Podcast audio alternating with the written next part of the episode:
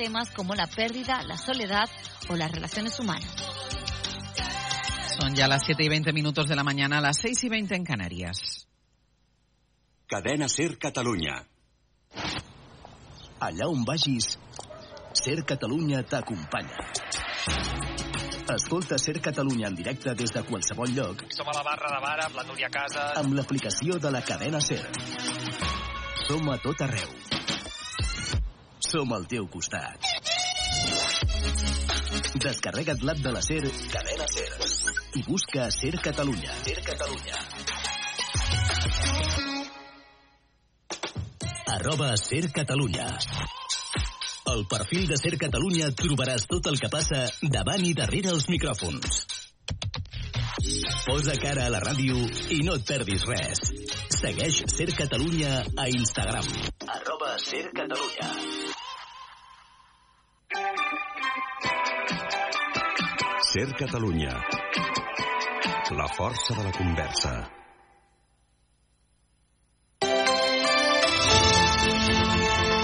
Hoy por hoy Catalunya. Susana Ruiz.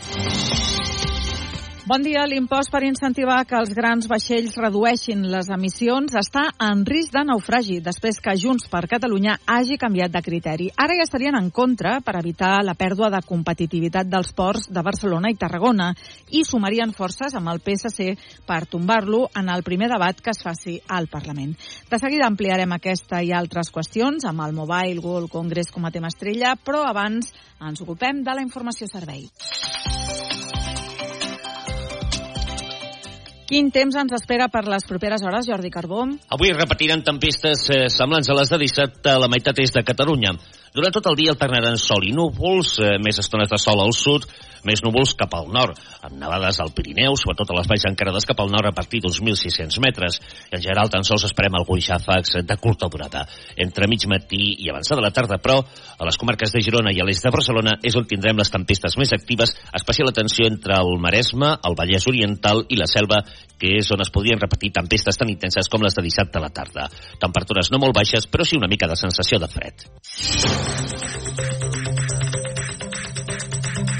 Ens interessem també per l'estat de les carreteres. Anem al RAC. Àlex Huguet, què tal? Bon dia. Molt bon dia. S'ha produït un accident fa poca estona a la Ronda de Dalt en sentit Trinitat, on hi ha 4 quilòmetres de congestió ja a l'altura d'Horta i només hi ha un carril obert. Alguns punts principals van força plens, com la P7 al Papiol, amb 2 quilòmetres en sentit sud, arribant a l'enllaç amb la B23, també la C58 des de Montcada, on ja hi ha 3 quilòmetres d'aturades arribant a Barcelona, i a les rondes també hi ha els trams habituals força plens, amb 4 quilòmetres a la B20 en sentit sud, molta lentitud a Santa Coloma i al nus de la Trinitat i fins a la Guinaueta i a la litoral també en sentit Llobregat hi ha 5 quilòmetres més de cues des de Sant Adrià fins passat al Poble Nou.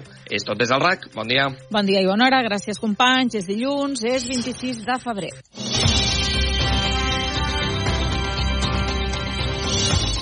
I us ho dèiem fa uns minuts, l'impost als grans vaixells corre el risc de no aprovar-se. Arnau Baquem. A hores d'ara el més previsible és que aquesta taxa que el govern va aprovar el mes de novembre sigui rebutjada pel Parlament a les primeres de canvi després que Junts per Catalunya hagi canviat la posició que havia mantingut des de l'any 2017. Tant els juntaires com el PSC pretenen frenar aquest impost verd que recull la llei del canvi climàtic i que està pendent des de fa gairebé 7 anys. Amb els detalls, Xavier Balló. L'impost als grans vaixells podria naufragar quan més a prop estava de convertir-se en realitat. Tant Junts com PSC tenen la intenció de tombar-lo en el primer debat que es faci a la cambra perquè, al seu parer, l'impost generaria una pèrdua de competitivitat important pels ports de Barcelona i Tarragona. Els dos partits fien la fiscalitat verda en el sector marítim a la taxa que la Unió Europea ja està treballant. Aquest previsible veto suposa un canvi de parer de Junts que havia estat donant suport a la norma mentre era el govern. Esquerra els demana que rectifiquin Marta Vilalta en declaracions a Ser Catalunya. que Junts i el PSC s'estan situant als costats del PP, Vox i Ciutadans en contradirecció d'on hauríem d'anar com a país. Tant els republicans com els comuns lamenten el greuge comparatiu amb l'impost a les emissions dels vehicles. David Cid. Hem d'anar als cossos de la gent, però al final amb les grans companyies no s'atreveixen. De moment encara no hi ha data perquè el Parlament voti sobre aquest impost que el govern ja havia rebaixat respecte a les seves intencions inicials per mirar de trobar consens.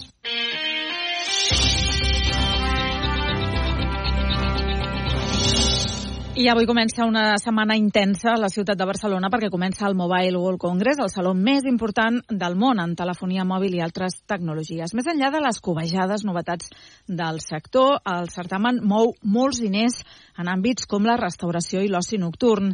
La patronal d'aquests últims, FECASARM, xifra en més de 100 milions d'euros els ingressos derivats dels congressistes. En declaracions a Ser Catalunya, el president de la patronal de l'oci nocturn, Joaquim Boades, ha assegurat que l'impacte d'aquests aquests dies només es pot comparar als de nits com les de Cap d'Any o Halloween.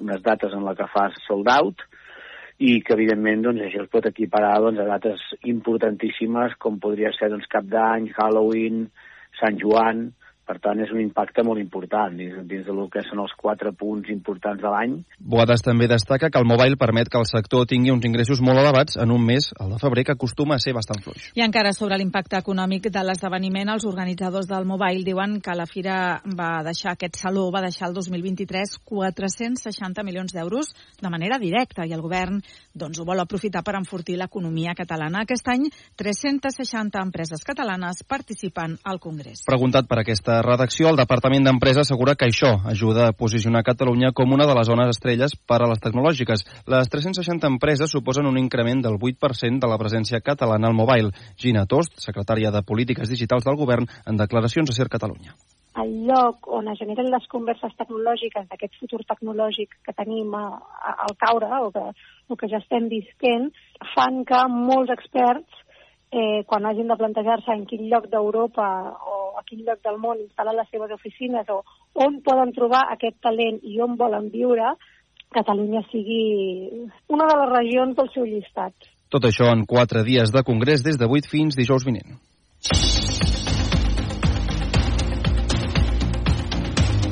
El Servei Català de Trànsit assegura que va tallar ràpidament l'autopista P7 dissabte a la tarda perquè l'experiència els indica que és molt millor actuar abans que pugui produir-se algun accident amb víctimes. Estem parlant de la calamarsada que va obligar doncs, aquesta mesura tan radical com és tallar una autopista. Si hi ha ferits, l'operatiu d'evacuació en situacions com aquella es complica molt. Això ho explicava el director del Servei Català de Trànsit, Ramon Lamiel es va actuar de manera, de manera immediata, i, però no improvisada, perquè teníem l'experiència de la C-32 i ja hi havia una reflexió prèvia de com fer-ho i què fer si es tornava a produir. Per tant, estàvem avisats en certa manera i teníem eh, el, la manera d'actuar. I per tant la vam posar en marxa de forma bastant eh, immediata. Dissabte, a la tarda vespre, l'AP7 va estar tallada durant més de dues hores en sentit sud i cinc hores en sentit nord fins que es va poder retirar la calamarsa que havia quedat acumulada a la via. Junts ha anunciat que sol·licitarà la compareixença al Parlament del Consell d'Interior, Joan Ignasi Helena, després d'aquest tall de dissabte que la formació qualifica de caos circulatori. El titular de la via, que és el Ministeri de Transports, assegura que la neteja es va fer en el mínim temps imprescindible.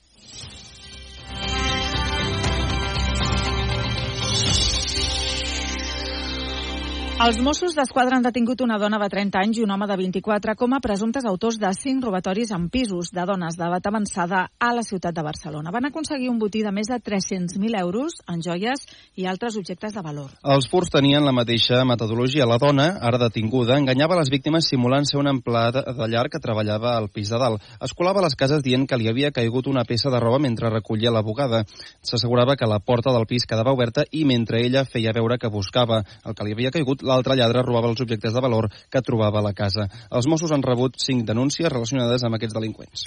L'Orgull Friki s'ha exhibit i s'ha promocionat a Tarragona durant tot el cap de setmana. La ciutat ha plegat més de 300 expositors dedicats a les sèries i pel·lícules. Es tracta de creadors i empreses que veuen l'acte com una oportunitat per donar-se a conèixer davant un públic especialitzat i fidelitzat després de set edicions del certamen. El programa s'ha complementat amb tallers, xerrades sobre doblatges i exposicions amb material inèdit de sèries de culte com Los Aurones. La varietat d'activitats és un dels punts forts del certamen que, segons ha informat, segons ha afirmat el director Ivan Carrasco, està de moda. El friquisme està de moda, ¿vale? O molta gent li agrada Star Wars, a molta gent li agrada Marvel, a molta gent li agrada Masters de l'Universo, a molta gent li agrada Star Trek, i, i llavors, amb tot el contingut que tenim, doncs la gent va, va, va, va investigar, va estar veient... Coincidint amb el 40 aniversari de Màsters de l'Univers i Caça Fantasmes, l'organització preveu superar els 9.000 visitants de l'any passat.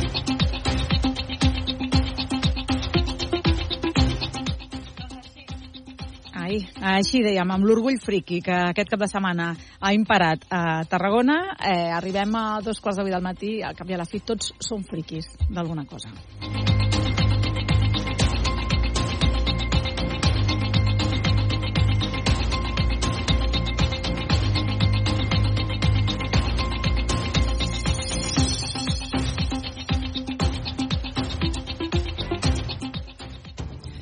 Las siete y media, las seis y media en Canarias.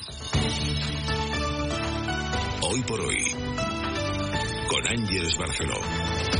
El miércoles será el Día de Andalucía y el miércoles haremos este programa desde Sevilla, ciudad que es noticia por una polémica medida que va a impulsar su ayuntamiento. Quiere cobrar entrada para acceder a uno de los lugares más emblemáticos y más visitados de esa ciudad, la Plaza de España. El alcalde que se niega a poner una tasa turística en la ciudad de Sevilla plantea cerrar al público ese espacio, la Plaza de España, que es de visita obligada, diríamos, cuando se está allí en la ciudad. Cobraría una entrada de cuyo pago quedarían exentos los vecinos de Sevilla y los de la provincia donde se ha formado una buena polémica en torno a esta propuesta. El alcalde de Sevilla, el popular José Luis Sanz, mandó anoche un audio a los medios de comunicación para argumentar que el dinero se dedicaría al cuidado y a la seguridad de la plaza. Radio Sevilla, Diego Suárez, buenos días. Buenos días, la polémica sí está servida porque la oposición ha saltado como un resorte. Rechazo frontal a la iniciativa del alcalde que califican de ocurrencia, dice el regidor popular José Luis Sanz, que es la mejor manera de captar recursos para proteger el monumento del vandalismo. El exalcalde socialista Antonio Muñoz